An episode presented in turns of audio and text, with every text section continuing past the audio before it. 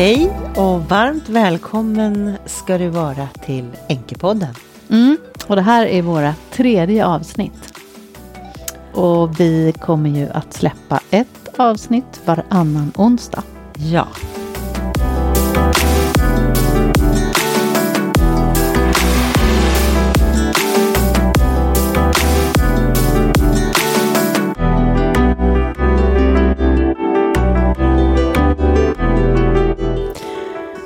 Idag sitter vi här i de här sköna fåtöljerna igen och samtalar om döden Livet. och vänskap. Mm. Fåglarna sjunger utanför fönstret. Mm. Det har nyss regnat, men det är sommar. Mm. Och åskat gjorde det också. Ja, det gjorde det. Det känns så himla somrigt. Ja, Ja, det är verkligen speciellt. Att ja. åska kan vara någonting mysigt. mm. Mm. Mm, jag hör att det mullrar i bakgrunden någonstans. Mm. Mm. Men jag tänker ju på, på sommaren när den, den eh, kommer varje år. Och eh,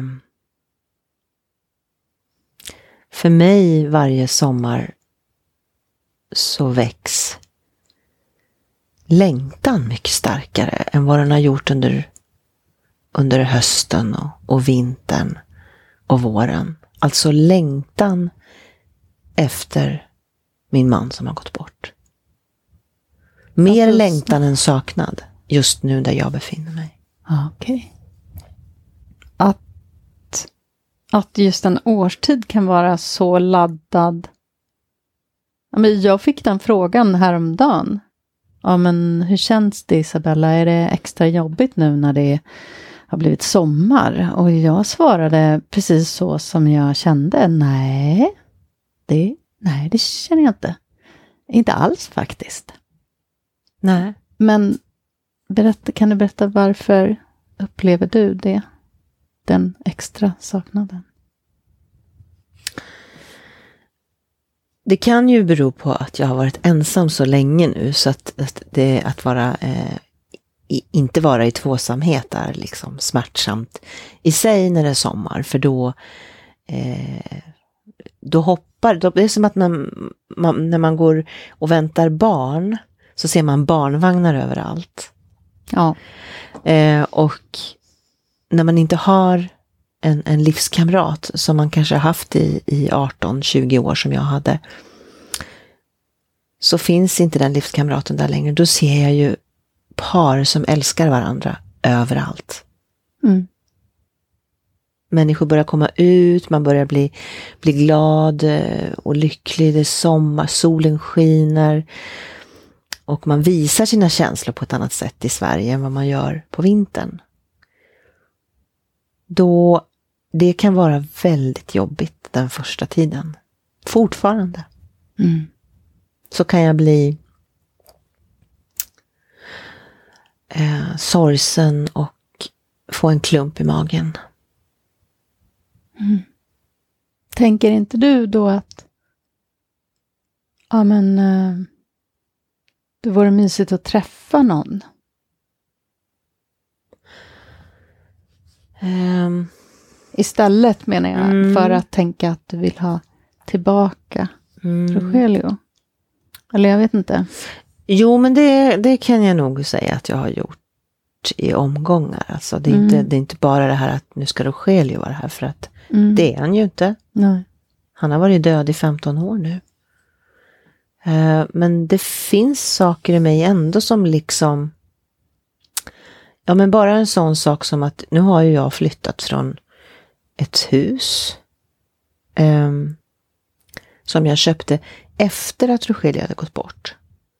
Jag bodde kvar i vårat hus som vi hade tillsammans. Och sen flyttade jag till ett eget hus. Och då kan man ju tänka, nu börjar jag om. Nu börjar jag om med något, något nytt. Mm. Och det trodde jag under många år. Jag bodde där i sju år i det nya huset med barnen. Att jag började om. Tills jag insåg att det gjorde jag inte alls. Jag flyttade dit med Rogelio, med döda Rogelio. Hur menar du? Hur tänker du då?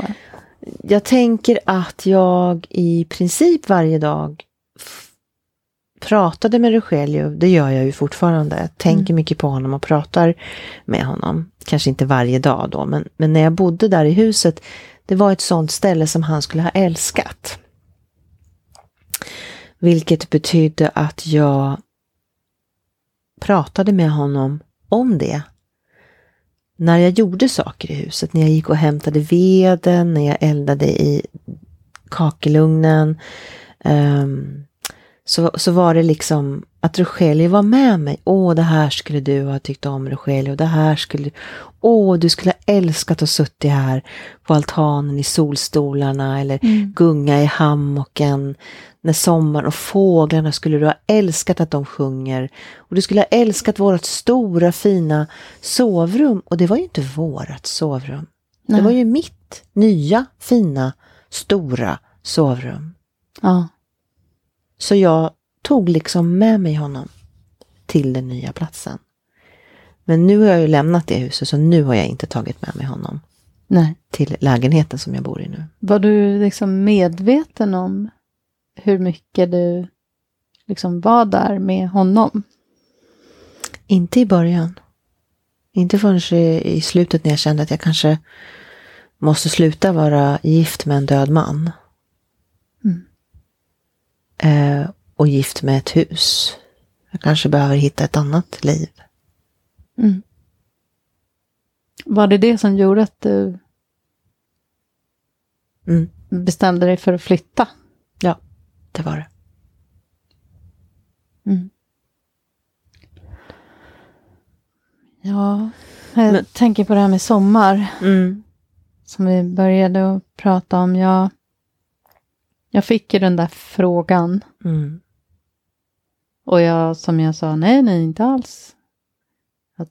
Jag har ju bara liksom tyckt att vad skönt att det är varmt och gjort fint på balkongen och att det har känts så betydelsefullt. Mm. Att, att, att kunna göra fint på balkongen. Och, ehm, och jag har suttit på balkongen, framförallt legat i lilla soffan och, och myst. Men eh, vår dotter och jag har eh, inte ätit ute på balkongen som vi har ofta gjort.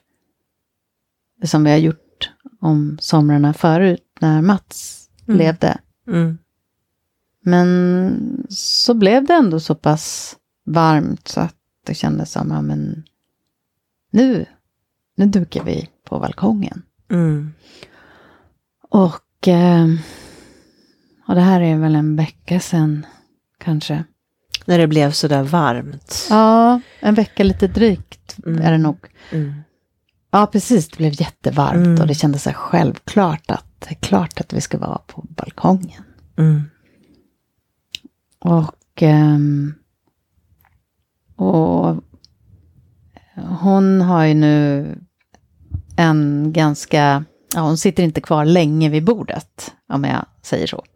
Utan när hon har ätit så säger hon, tackar hon för maten och sen säger hon, får jag gå från bordet? Mm. För hon vill alltid göra något annat. Och jag säger ja, självklart. Och så sitter jag ofta kvar. Och kanske sitter och tänker eller om jag tittar på någonting eller något sånt där. Men plötsligt så var jag med om någonting som jag inte hade varit med om förut. När hon hade rest sig, tagit med sig sin tallrik, jag satt där på balkongen, solen sken, fåglarna kvittrade och jag kände mig som att det, alltså jag vet inte, det blev som ett stort hål mm. i mig. För jag förstod plötsligt att, att jag var ensam där. Mm. Att inte Mats var med mig att jag förstod. Det, det var så, jag, jag hade inte kunnat, eller jag kunde inte förstå det med intellektet. Utan det var bara, det bara slog till mig som en knytnävsslag Mm. i, i magen. En knockout. Ja. Och, och jag visste inte vad jag skulle göra av känslan. Och det var då jag ringde dig. Mm. För att jag kände att jag måste, jag måste få säga det här. Jag Mm. måste få berätta. Mm. Att, och då insåg jag ju att då fanns det ju visst saker även för mig. Alltså, om det har just med sommaren att göra, en, en årstid som är så fin, Mm. att senast, eller om det var att senast vi satt här, ja men då var vi ju tre. Mm. Och jag tog foto på Mats och våran dotter när de sitter där på balkongen. Mm. Och jag såg det. Jag tittade på det fotot häromdagen och då ser jag ju hur Mats anstränger sig för att le. Jag, jag kommer ihåg den bilden för du sände den till mig Ja. på telefonen. På ett meddelande. Mm. Och jag vet att jag... Jag vet att jag troligen sa Är det okej om du ser lite glad ut? Sa Mm. jag till Mats. Mm. Därför jag tänkte att... Att det... an- an- Det skulle Ja. vara ett minne som du... ja. Jag gjorde precis en sån sak. Eh, och tyvärr så har den bilden försvunnit. Eh, i, i, i, vid något tillfälle. Eh, för jag hade en sån här systemkamera. Eller om det till och med var på video. Nej, det var på video. Mm. Eh, och det har spelats över vid något tillfälle när Rogelia sen hade gått bort och vi använde videokameran igen och spelade in eh, Matildas födelsedag. Hon fyllde eh, två år tror jag, eller ett år menar jag, fyllde hon. Innan där så gjorde jag precis en sån sak. Där jag bara, det här var på sommaren. Han hade ju så ont, han hade svårt att hålla Matilda, Mm. eh, som då var fyra, fem månader. Mm. Eh, och jag tänkte att jag, jag måste filma de två. Mm. Så att Matilda kan titta på det sen när hon blir stor och Rogelio inte längre finns. En sån tanke hade jag i, i, i all min galenskap av att vilja rädda. Mm. Men tyvärr så är ju det överspelat. Mm. Men eh, då var det ju inte meningen, tänker jag heller. Mm. Men eh, Jag tror att jag också tog, men det kanske var stillbild på Mm. Rogelio och Mm. Matilda i soffan. Och du var glad att jag gjorde det, Mm. sa du, för att du orkade inte. mm, Och för att det skulle finnas något minne. Mm. Det fotot de finns kvar. Ja, men det Det var de. härligt. För att jag minns det hur du sa, det är så viktigt för Matilda att, att få, få se att hon faktiskt hade en pappa. Mm, precis. Men jag tänker också på det här med sommaren igen då. För eh, det här är ju din första sommar. Mm. Och min första sommar utan. Mm. Eh, vi reste ju alltid till Spanien på somrarna. Alltid. Och det var inget undantag den här sommaren heller som skulle bli den första sommaren. Men jag minns att jag inte klarade av den själv. Nej. Och då kom du och Mats. Mm. Ni bilade ner. Ja, och det var en sån väldigt, väldigt fin resa vi hade. Mm. Vi skulle tälta oss ner Ja. genom Europa. Och vi hade massa visioner om Ja. hur det här skulle gå till. Och vi skulle hälsa, vi skulle till vingårdar som vi bara skulle typ slinka in på. Jag hade såna, hade berättat massa saker för Mats. Ja, men så här är det i Frankrike. Typ. Ja, det ingenting blev så, men det blev något helt annat och det blev jättefint. Och så var ju målet att just komma till er. ja. Och vi skulle också hälsa på en arbetskamrat till Mats, i, också i Spanien. Mm. Och eh, just det, och vi eh, väntade ju på våran dotter. Vi hade ju, men vi hade inte fått barnbesked. Nej, vi hade det. ju liksom gått igenom hela adoptionsprocessen och vi väntade bara på att de skulle liksom höra av sig. Mm. Och, och samtidigt så upptäcker jag eh, alltså, rättare sagt, jag hade kollat alltså dagen innan vi reste var det. Så hade jag kollat ett graviditetstest och sett att jag var gravid. Men jag sa ingenting till Mats om att jag var gravid. För att jag var så rädd för att vi skulle mista våran blivande dotter eller son. Vi visste ju inte vad det var för kön eller någonting. Nej. Men vi visste ju att det fanns ett barn som vi förhoppningsvis skulle få bli föräldrar till. Ehm, Så du sa ingenting? nej, jag sa ingenting. Utan jag tänkte bara, det kommer gå bra det här. Aldrig någonsin? Mm, jo, för sen när vi kom, för vi åkte ju först till Mats arbetskamrat i Spanien och hälsade på dem. Mm. Vi var ju där över en eller två nätter. Eh, också i södra Spanien. Men när, när vi kom dit, då fick jag missfall. Ja. Ja, så, och då blev jag ju lättad. Mm. Det var så märkligt. Mm. Där har vi kämpat liksom i flera år att bli gravida. Och så, ja, blev vi gravida och då är jag inte ens glad. Nej, för då var det ju liksom Ja, du det var här en barnet. annan- Jag var Mm. inne i en annan process. Ja, precis. Eller vi var det. Men ja, det var märkligt i sammanhanget. Mm. Ehm, och ja, och sen så kom vi. Jag minns inte er. ens att ni bilade ner. Jag hade ju ingen aning om hur ni tog er dit förrän vi har pratat om det efteråt.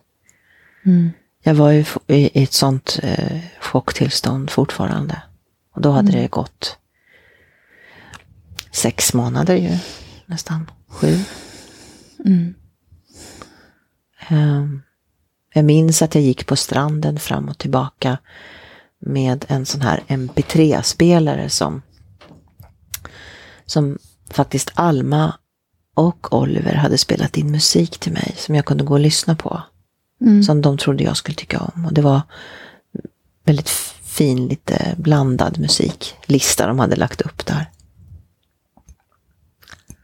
Bland annat Freddie Val- Wadling och Mm.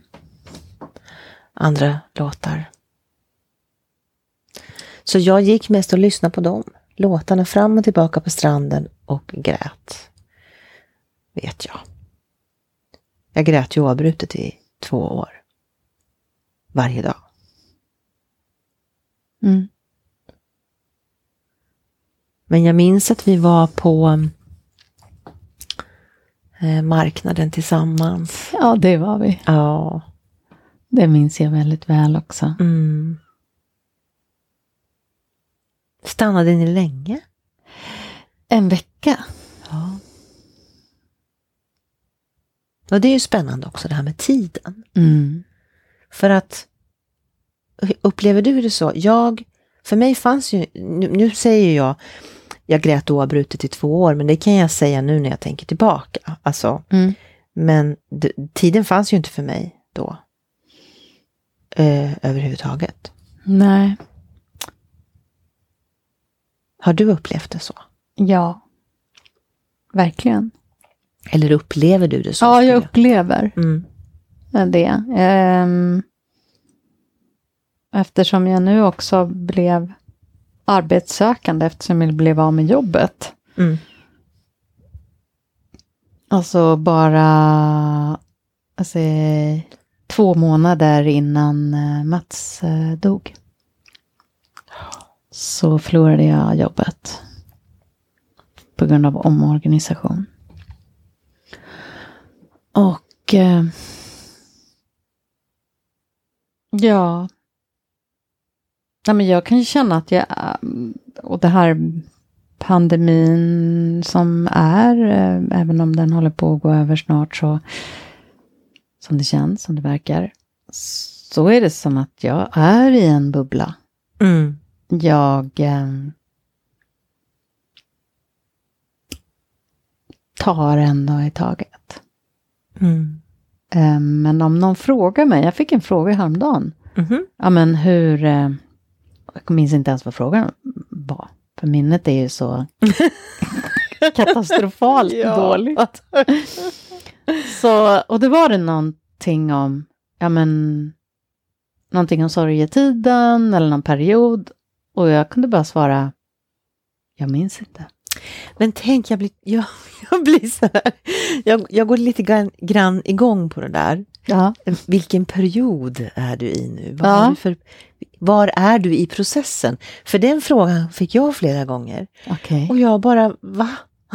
Alltså fick, hur, hur löd frågan? Eh, ja, nu är du nog inne i fasen där du snart kommer att bli arg också. Och jag bara, va? Arg på vem då? Att Rogelio, på, honom, att han dog. Det, det finns tydligen en sån processlinje eh, eller vad ska man säga, karta över. Och jag bara kände, men vänta lite, jag är inte arg. Nej. Jag kommer inte att känna det heller. alltså en han kan karta inte- över sorgperiod? Ja, vad man går igenom för olika faser. Mm. Och jag kan ju säga att, att jag inte upplever det som att jag har följt den överhuvudtaget. Nej. eh, och jag, jag, jag tycker det är lite förment på något vis Ja. att, att placera in människor på det sättet. Jag kan förstå att man kanske behöver utifrån då få ett grepp om vad går den här människan igenom så. Mm. Men att ställa en sån fråga till en människa i sorg blir ju väldigt absurt.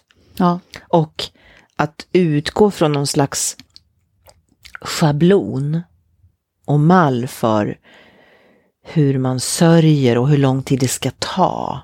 Till exempel eh, så säger man ju ett år, det första, det, ett år eh, sorg det, det är det svåraste och sen brukar man kunna gå vidare. Mm. Eh, nej. Nej. Eller gå vidare gör man hela tiden. Ja, just det. För den, den frågan kunde jag också få, vet jag, så här, eh, men du måste ju gå vidare. Och då kunde jag också bli så här, eh, ja. Eller Jag, måste du det? eller men jag går Eller- ju vidare. Ja, jag går varje dag. Varje dag går jag. Fortsätter liksom hela tiden, händer det någonting nytt. Ja. Men, eh, och jag kan ju förstå, ja de menar du måste släppa. Men det måste, Varför då? det Måste- väl inte. Nej. nej. Vem är det som har bestämt det? Ja, det kan man fråga sig. Jo, men det, det, är ju, det är lite grann det som, vi var ju inne på det i avsnitt två, tänker jag lite om det här att att den, skär, att den kanske ska skynda sig förbi sorgen för att, och det, det, jag menar, jag tänker hur oerhört personligt det är. Mm. För att det, så därför jag håller med om att det går ju egentligen inte att säga nu går du igenom det, nu, nu har du den perioden eller du måste väl ha den perioden Mm. eh, att bli arg Mm. på Rogelio. Mm. Och hur är det, har du liksom blivit det? Inte fortfarande har gått 15 år, jag är fortfarande inte arg, så jag, jag kanske har fastnat i första fasen. Jag kanske inte kommer vidare. Och då blir det också, alltså, då blir det absurt, liksom. det går ju liksom inte att uppfylla Nej. de här faserna eftersom det är så otroligt personligt. Ja, verkligen. menar, det, det kan ju finnas, jag vet eh, nog eh, om i alla fall en person som ja, men, kände att den kunde gå vidare ganska fort Mm. och liksom också kände att nej men jag vill träffa en ny man och jag är väldigt öppen för det och det hade jag pratat med min man om att jag ville verkligen inte leva ensam. Så hon var väldigt fokuserad på det. Och jag tror att hon mår jättebra. Ja. Och, liksom, och det, så upplever jag verkligen henne också. Liksom. Men jag kan ju tänka då att man, att man eh, just inte kanske bara att gå vidare utan man kanske går en annan väg. Man tar en ny väg och öppnar en ny dörr. Ja. Där stod, åh, där stod en man. Ja, så, ja. För, det, för det, jag tänkte på det nu, eller jag tänker på det nu när du säger det så här, det kan ju eh, tolkas som att jag, när, när man lyssnar nu på oss när vi pratar, att jag inte har träffat någon. Eh, utan varit helt ensam i de här 15 åren. Men så är det ju inte. Nej. Alltså jag har ju träffat eh, åtminstone två ja. personer. Och det är inte så att jag inte vill Nej. Eh, på det sättet. Men mm, ja, Det har inte varit rätt. nej. Nej. Det har inte varit För så. det är inte rätt lätt att hitta rätt. Nej, om man säger så. nej. Eh, men just det där med att vara... Ja, men jag har ju också fått höra det här. Eller det, det tycker inte jag är ett dugg konstigt om man kan säga, eller om man säger att men det första året är ju väldigt jobbigt. För att allting blir första gången. Mm. Och det är ju, det är ju en ganska logisk, för mig, tanke. På ett sätt, För- men, men tänk om det finns eh, händelser och platser som inte fanns under det första året, men som ändå blir första gången andra året.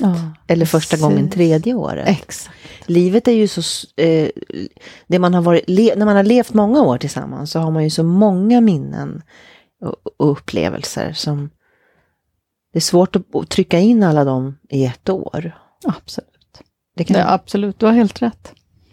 Så då blir det ju igen lite av, det blir lite plattityder. Mhm, mm. Det har du verkligen rätt i. Som om någon annan vet sådär, Mm. jaha, du är inne i den perioden. Mm. Nej, vadå? Det är ju lite, det är ju att förment. Ja, det är förment. Och jag tänker så här, det kan ju till exempel vara en sån enkel sak eh, eller banal sak som att eh, beroende på hur ofta man byter gardiner, jag bara improviserar lite här nu. Ja. Tänk om jag efter tre år säger, men nu vill jag byta gardiner. Och så bytte jag alltid gardiner med Rogelio. Och det är första gången jag byter gardiner nu. Ja. Och han inte är med. Då kommer den här vågen helt säkert att komma. Ja. Ja, jag, jag tänker som du. Absolut. Jag minns att, att när vi var där på mark, eh, marknaden i Spanien, eh, eftersom han ju var flamencosångare, det har jag, vi pratat om tidigare och så. Och i, när man går på en marknad i Spanien så spelar de ju flamenco överallt. Och det var, det var riktiga knytnävslag. Det var som att få en, en boxnings liksom rakt i solarplexus. Mm. Nästan så att jag kunde må illa och ville kräkas. Ja, Och springa därifrån. Ja.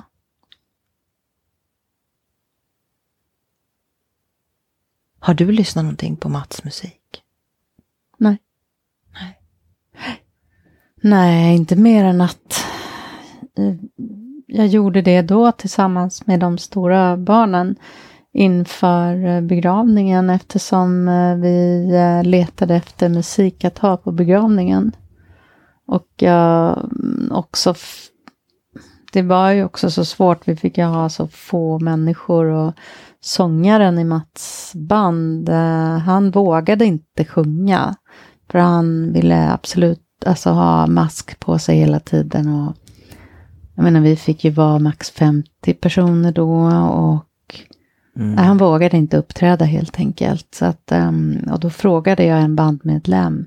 Och han, för, eller han, han frågade mig, har du lyssnat på någon låt? För jag, jag sa ju till honom att jag jättegärna, eller vi, barnen också, ville spela någon av hans musik. Mm. Eller om då sångaren kunde göra det. Mm. Men eftersom han inte kunde det eller vågade det på grund av pandemin så Ja men då, då föreslog Per att man lyssna på The Tunnel. Och det hade jag inte tänkt på. Nej. Och så eh, när vi hade lagt på luren så lyssnade jag på The Tunnel och läste texten samtidigt. Jag blev så chockad. För jag har aldrig, alltså trots att jag körar på, Mm. på låten i, på skivan, Mm. så har jag liksom aldrig, det har inte slagit mig vad det egentligen handlar om. Det handlar ju om eh, på väg att dö. Så att den heter ju The Tunnel, alltså tunneln mellan, Mellan livet. döden och eh, livet efter detta. Liksom. Ah. Att han liksom, helt och hållet. My God. Och, och det som är mest, jag ska säga, jag vet inte om jag ska säga skrämmande, men märkligt, det är ju att han skrev den här låten, om det var ett eller två år innan han insjuknade i, alltså höll på att dö i aortadissektion. Ja, Innan. innan. Så att då var han inte liksom sjuk på det sättet. Nej. nej. Och ändå skrev han den här låten, både text och musik. Mm. Och ehm, ja, det blev ju, det blev den låten. Nu- nu- Så vi spelade den på begravningen. Ja, det gjorde ni. Det var jättestarkt. Mm. Mm. Skrev han klart hela låten eller? Ja, han skrev klart hela låten, men sen var det ju faktiskt så att, och det här berättade ju Per också, att eh, de höll på med en skivinspelning Mm. och då var det så att han hade gjort de sista baspåläggen på den här låten, The, The Tun- Tunnel. The Tunnel. Jag Mm. tror att det var en av de sista låtarna som de höll på att spela in på skivan. Så alltså bara, jag tror att det var på onsdagen som han la på baspålägget. Och sen så eh, blev han ju sådär, alltså han höll på att mista livet på lördagen. Natten till söndag. Bara ett par dagar innan alltså. Ja, bara ett par dagar innan. Och sen kunde han ju aldrig spela bas igen. Han lärde sig hjälpligt att spela synt, alltså sina basgångar på synt med, med, med högerhanden. Men han var ju vänsterhänt och han, ja, Mm. nej jag kan inte lyssna. Det kan jag inte göra nu, inte ännu. Ehm, nej, men jag tror att jag skulle kunna. Men jag kan inte sätta på den musiken eh, själv. Nej. Och sen är ju jag med och sjunger i kören. Och, Mm. men det är så mycket vi. Mm. Mm. Precis. Jag kan ju fortfarande, jag kan lyssna på Rogelio nu. Det kunde jag inte heller de första åren. Eh, barnen kunde det. Alma lyssnade mycket och tittade mycket på videoinspelningar på pappa. Och När gjorde hon det? Var det direkt första tiden efter, ja, hon hade ett behov av att, som jag minns det, eh, gå igenom mycket. Kanske inte att hon lyssnade på, men hon ville se honom liksom på videoinspelningar som vi hade gjort, men barnen var små och så här. Mm. Eh, men det klarade inte jag heller. Och Oliver? Nej, inte alls. För honom har det tagit mycket längre tid att klara av ehm, Mm. att höra Rogelio sjunga. Mm. Men jag kan lyssna på det nu. Det kunde jag kanske efter fem år också. Lyssna på honom. Ungefär fem år. Eller tre kanske. Mm. Jag tänker på det med rösten. Men, vad jag, Ja. förlåt, men vad jag skulle säga var, ehm, för det var ju Rogelio.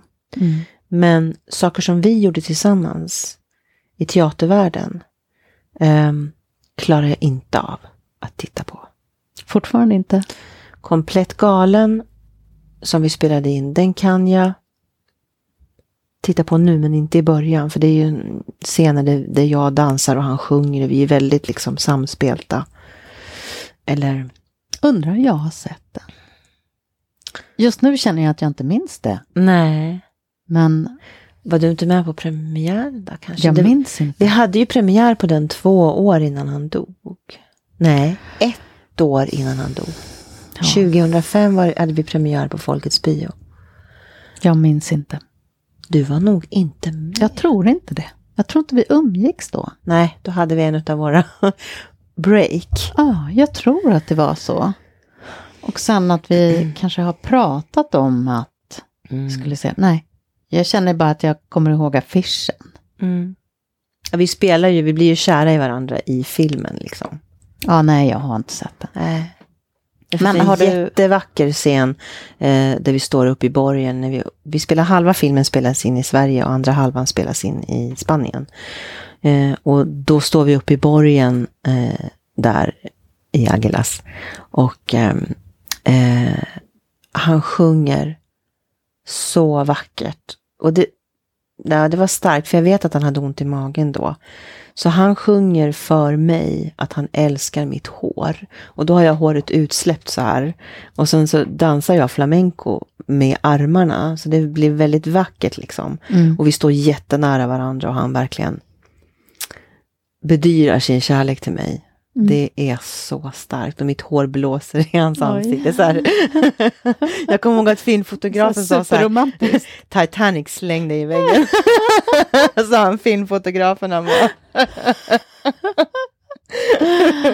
Wow, jag Ja. ser det framför mig när du Mm, berättar. mm. Ja, det, var, det, det, det kan jag ju titta på nu. Det är väldigt vackert.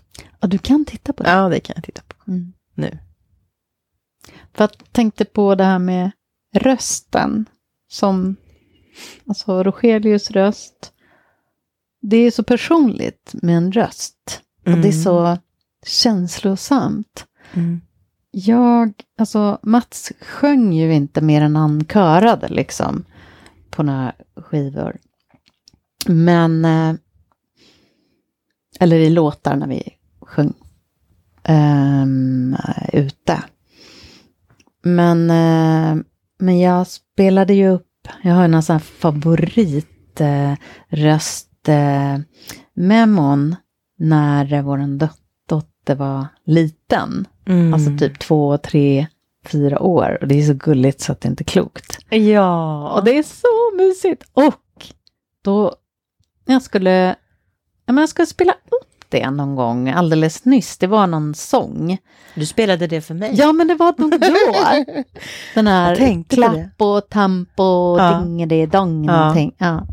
Det är så gulligt. Istället för stamp så sjöng hon tamp. Ja. Ja, det är så gulligt. Men, eh, och så hör jag Mats röst. Mm. Var det? Ja. Och då kände jag, oj, det kom så nära. Mm. Och då, då kände jag också ett behov av att få höra hans röst, hur den lät. För att jag kände att den har ju försvunnit. Mm. Hans vackra, varma röst. Hur otroligt mycket jag saknar hans röst. Mm. Alltså det som... Ja. Och då, då tänkte jag på det också. att Men oj, har jag några inspelningar? Har, alltså, jag vet inte om jag... Jag tänker att vi måste ju ha det. Vi filmade ju mycket när vår dotter var liten. Mm. Ja, jag, jag... eh, Men jag är ju inte förmögen att leta. För det klarar jag inte riktigt. Nej. Det får komma. Ja. En bild är...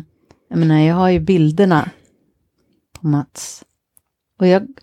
Du berättade ju tidigare hur du går och pratar i trädgården i här huset Mm. som du hade. Mm. Och jag går och pratar med Mats fotografier. Mm. För att det är viktigt. Men igår kväll, för jag klappar ju alltid på fotot när jag säger godnatt eller god morgon när jag bäddar sängen. Då kunde jag känna att, att jag inte riktigt, att det fanns en tanke, en känsla av att jag, hej, ja, alltså att han var lite längre bort. Mm. Mm. Men så har jag också känt eh, till och från att eh, vissa dagar kan han vara längre bort och vissa dagar är han närmre. Mm. Jag hade också sådana här foton överallt och små altare och i hela huset. Just det, Mats hade ju gjort i ordning massor av foton på Rogelio Ja. inför begravningen. Ja. Vilken föreställning det var. Ja. Eh, han Alltså, hade ju gjort så ja. fint. Och jag tänkte på det. Eh, för de har renoverat den fina gula byggningen, heter den, i Gustavsberg Mm. nu. Och jag gick förbi häromdagen och så bara Wow, vi hyrde hela andra våningen. Mm. Det var jättemånga rum. Det är stort, en gammal stenbyggnad Ja. nere vid hamnen. Och i ett utav rum, nej vi hade i alla rummen, i ett utav rummen var det flest foton.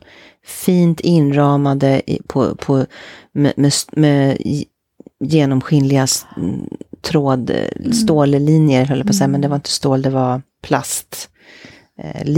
Eh, Mm. så, så att de inte syntes. Fiskelina. Fiskelinor. Mm. Vi ramade in dem Alla. tillsammans. Alla fina bilder. Ja, det var bilder på Rogelio över hela vår lägenhet minns jag. Mm. Och så gjorde vi ordning dem. Och så var jag på Ikea och köpte vaser. Som vi satte röda rosor i. In i kyrkan. smala- Ja. Nej, Nej. överallt. I det Som rummet? vi hade i, nej, i ja. alla rum. I fönster, Ja, i fönstren. I fönster, varje och vid varje. Vid varje fönster var det ju olika saker som Rogelio tyckte om också. Hatten och käpp, Ja, käppen och flamencoskorna och stenar och Mm. snäckor och sand. Och Ja, det var fantastiskt fint. Ja. Det det var, ja, jag vet att, jag vet att när Mats, han, när han fick reda på att, att han inte skulle leva, att han inte skulle klara livet, mm. då hade han ju, ja, knappt ett år kvar att leva. Då sa han att, att han ville gå igenom allting, hur han, att det var några saker han önskade. Mm. Och en av de sakerna han önskade det var att, att där liksom stunden efter begravningen inte skulle vara en sån där stund som han och jag hade varit på där man var liksom intryckt i ett, i en, vid ett bord och inte kunde röra sig och liksom och att allting var, ja nej, men det kändes stelt. Mm. eh, Och, och ehm, ja, nej, han ville ha det som när det var Rogelius. Mm. Att det var så fint och, Vi hade tapas och vin och mm, grejer. och alla kunde gå omkring. Liksom. Ja. Men nu blev det ju inte så på grund av pandemin. Vi fick ju inte lov Nej. Att ens eh, liksom, hyra en lokal på de villkoren. Det gick ju inte att ha buffé. För Mats ville ha buffé. Nej, det gick inte. Det fick vi inte. Nej. Så det blev... Men Det blev fint ändå. Det blev jättefint Ja, och en fin mycket- plats. Och alla som tog med sig. Vi hade ju bett att alla skulle ta med sig Mm. ett något minne från Mats. Mm. Och alla hade verkligen, åh det var så vackert. Så det blev annorlunda. Mm. Men det var, det var fint. Mm. Mm. Hur länge Oj, har vi Vi har pratat? pratat i 40 minuter. Ja, jag tog nog slut där. mm. Men det kanske är så att vi ska runda av. Mm. Att vi ska känna att vi har, ja, ännu en gång känns som att, ja men vi har bara pratat om det som känns viktigt att prata om. Ja. Och den här gången pratade vi om mycket om sommaren. Och, Mm. eftersom vi är där vi är liksom. Det är Mm. sommaren. Ja. Början på sommaren. Sommaren som, ja, den har ju knappt börjat. Jag menar våran dotter har precis börjat sitt sommarlov. Mm. Hennes första sommarlov utan pappa. Ja. Hon vill helst inte prata om, om honom. Nej. hon vill helst leva på. Mm. Mm, jag frågar henne om hon tänker på pappa så säger hon nej. Mm. Eller så säger hon ja, kanske. Mm.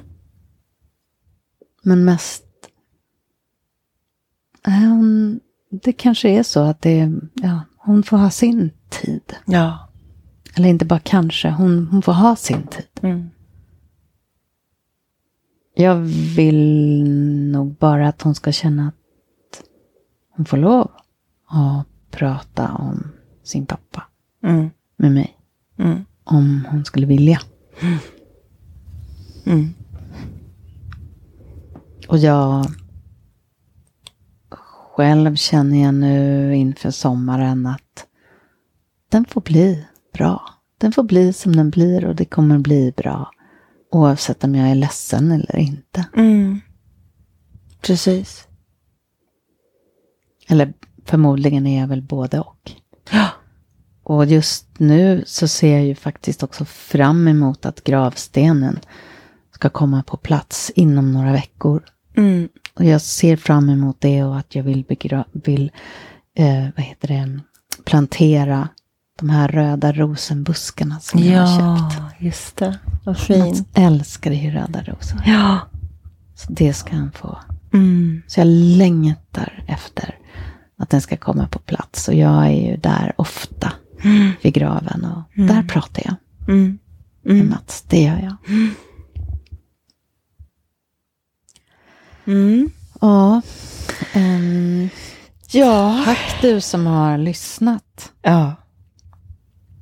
Hoppas också att du har en bra början på din sommar. Mm. Hur det nu än ser ut. Om du är Mm. ledsen eller glad eller hur du än mår. Mm. Och, eh, och hoppas att vi hörs eller att du lyssnar. Mm. Mm, Nästa, nästa avsnitt. nästa avsnitt. Som kommer om två veckor på en onsdag.